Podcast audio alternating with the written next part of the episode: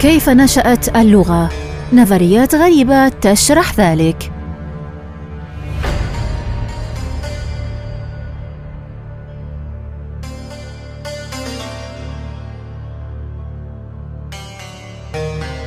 الكلمات. بكل ما تحمله من قوة للإيذاء والإغواء، إلا أنها أسرع الأشياء زوالاً، إنها أكثر من الهواء بقليل، تخرج من الجسم. كسلسلة من النفثات وتتبدد شيئا فشيئا في المحيط إنها تتلاشى بعظمتها كما لو إنها لم تكن. لم تصلنا صرخات ما قبل التاريخ لأناس يستنجدون هربا من خطر عظيم ولكن وصلتنا لغات متنوعة مختلفة تواصل بها أسلافنا وكان السبب الرئيسيا في عدم انقراضنا حتى اليوم. أكثر من 6900 لغة موجودة في العالم اليوم تحمل الكثير من الكلمات التي تجاوزت هدف التواصل إلى أهداف أعمق بكثير هل فكرت يوما كيف نشأت هذه الكلمات وكيف تنوعت؟ وما أصل نشوئها ولماذا نشأت؟ في أواخر القرن التاسع عشر حضرت الجمعية الملكية للغويات إقامة المؤتمرات والمناقشات التي تتناول موضوع نشأة اللغة.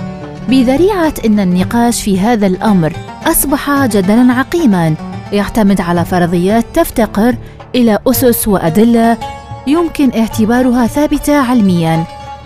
والواقع أن أمر الحديث عن أصل اللغات لم يتوقف وقد قامت الكوميدية ليلى تولمان حديثا باقتراح فرضية جديدة بشكل ساخر تفيد بأن الرجال هم من اخترعوا اللغة ليجدوا مساحة أكبر يستطيعون الشكوى خلالها. من أصعب المهمات في العلوم الحديثة هي مهمة البحث في نشوء اللغات، فهل هذا يعني أن الإنسان ذهب لأبعد ما يجب أو أعقد مما يجب في هذا المجال؟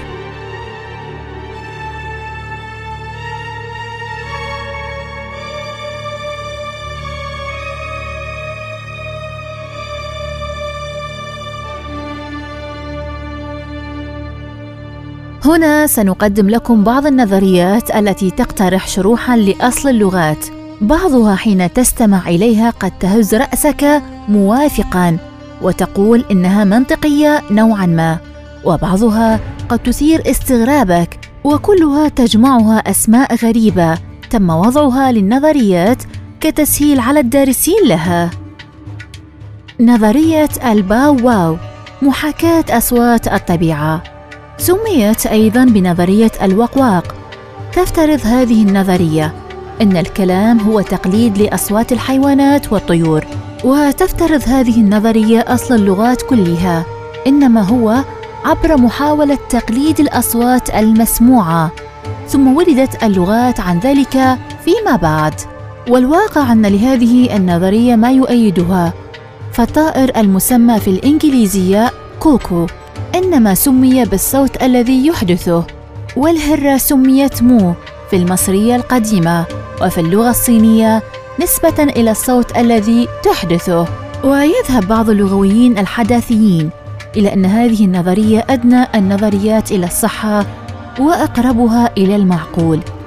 في حين وجه إلى هذه النظرية انتقاد أساسي من جهة أنها تعجز عن أن تفسر لنا كيف استغل مبدأ حكاية الصوت في آلاف الكلمات التي لا نرى الآن أي علاقة بين معناها وصوتها؟ فما العلاقة بين لفظة أبريق ومعناها؟ وما العلاقة بين لفظة المنضدة ومعناها؟ وما العلاقة بين لفظة الكتاب ومعناها؟ إذ ليس هناك أي علاقة ظاهرة. الباحثون الذين ينكرونها يدللون بأن الألفاظ التي تدل بأصواتها على معانيها قليلة في اللغة حيث إن الصلة وثيقة بين اللفظ والمدلول في الكلمة. ولكن علينا أن نحذر من المغالاة في هذا الشأن.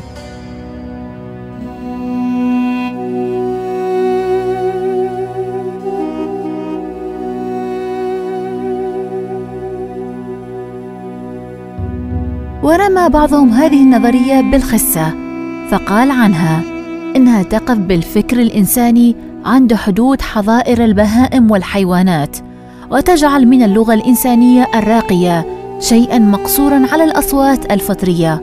وحاول آخرون دحضها فقالوا لو كانت هذه العلاقة طبيعية وكان كل لفظ يعبر عن مدلوله ويوحي به عن طريق المحاكاة لكان هنالك لغة واحدة لا لغات مختلفة على أن الألفاظ التي تحاكي مدلولاتها ألفاظ قليلة لا ترقى إلى مرتبة الإطلاق والتعميم على ألفاظ اللغة كلها.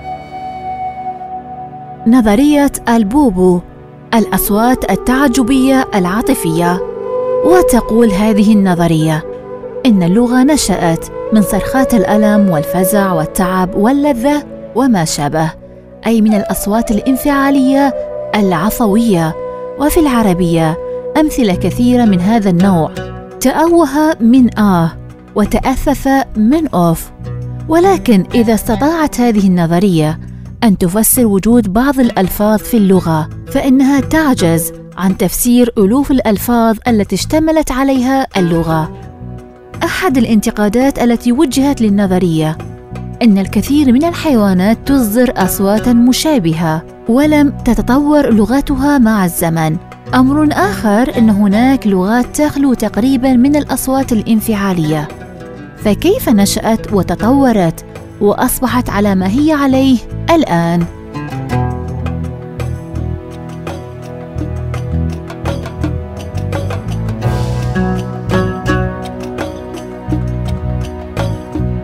نظرية ال ding dong الاستعداد الفطري وتقول إن معنى الكلمة مستمد من معاني أحرفها حيث دعا ماكس مولر وهو واضع هذه النظرية إلى ملاحظة الأطفال في حياتهم اليومية الحرة التي تدل على أنهم تواقون إلى وضع أسماء للأشياء التي يرونها ولا يعرفون لها أسماء. وأنهم يبتكرون أسماء لم يسمعوها من قبل إرضاء لرغبتهم الفطرية في التكلم والتعبير عن أغراضهم. فاستنبط من ملاحظته هذه أن الإنسان مزود بتلك القوة التي نشأت عنها الألفاظ. وعلى ذلك وبحسب هذه النظرية نستطيع أن نقول أن الأصل في اللغة هو أن الإنسان مزود بالقدرة على صوغ الألفاظ وهذه القدرة لا تظهر إلا عند الحاجة وهذه النظرية عرفها العرب وأشاروا إليها. إذ لاحظ ابن جني أن الفاء مثلا تدل على الضاف ولاحظ الفروق بين الأصوات. وفي العصور المتأخرة قام اللغوي الأديب عبد الله العلايلي بوضع قائمة بدلائل الحروف. تؤكد النظرية أن جرس الكلمة يدل على معناها. فمثلا قولهم شد الحبل فالشين بما فيها من التفشي. تشبه بالصوت أول انجذاب الحبل قبل استحكام العقد ثم يليه إحكام الشد والجذب فيعبر عنه بالدال التي هي أقوى من الشين لا سيما وهي مدغمة. رفضت هذه النظرية من قبل الكثير من اللغويين على اعتبار أن الكلمات التي يمكن أن تفسر على هذا المبدأ قليلة جدا. فإذا كان حرف الغين يدل على الظلمة والانطباق والخفاء والحزن كما ذهب بعضهم مستشهدين بغيم وغم وغبن. فكيف نفسر كلمتي؟ غنى وغبطة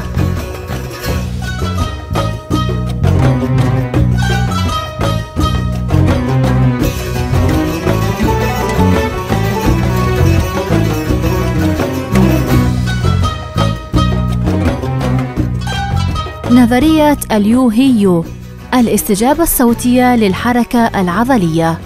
هذه النظرية افترضت أن نشأة اللغة أول ما نشأت كانت مرافقة للعمل التعاوني بين أفراد المجموعة الواحدة بحيث يصدرون مجموعة من الأصوات الإيقاعية المتداخلة وذلك بالتوافق مع المجهود العضلي الذي ينتج الأصوات مثل التنهد المتكرر والأصوات التي تصدر عن الإنسان القديم حال قيامه بأعمال شاقة كتكسير الحجر أو تجذيف المراكب أو حمل الأثقال.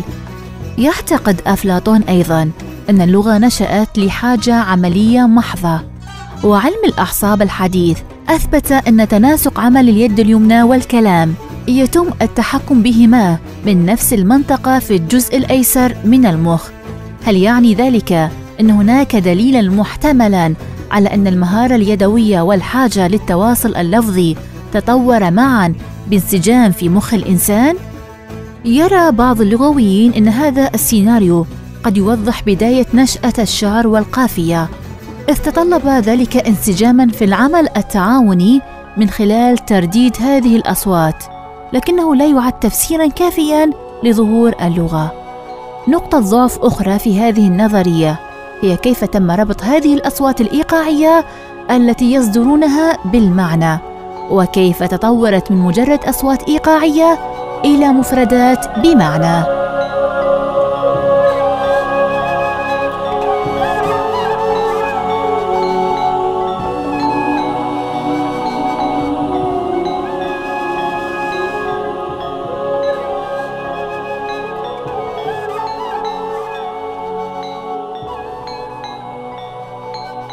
نظرية التاتا.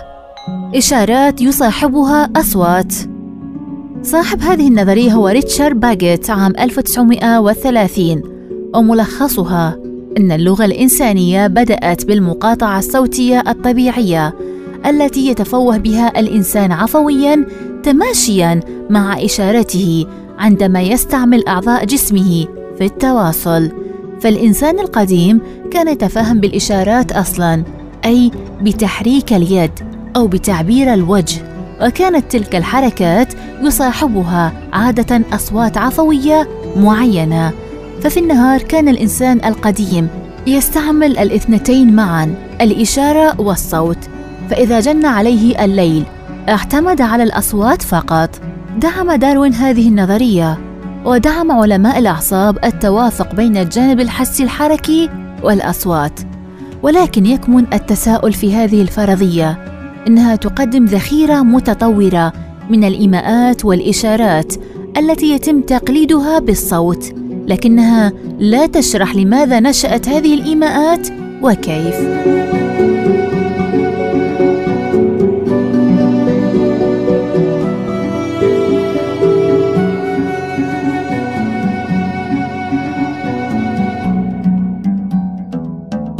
نظرية اللالة اللغة نشأت بسبب الحب.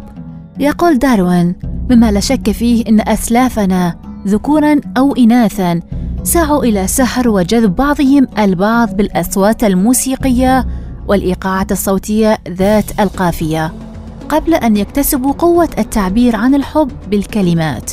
تشير النظرية إلى أن اللغة نشأت من تطور أصوات مرتبطة بالحب واللعب والشعرية والحسية والأغنيات.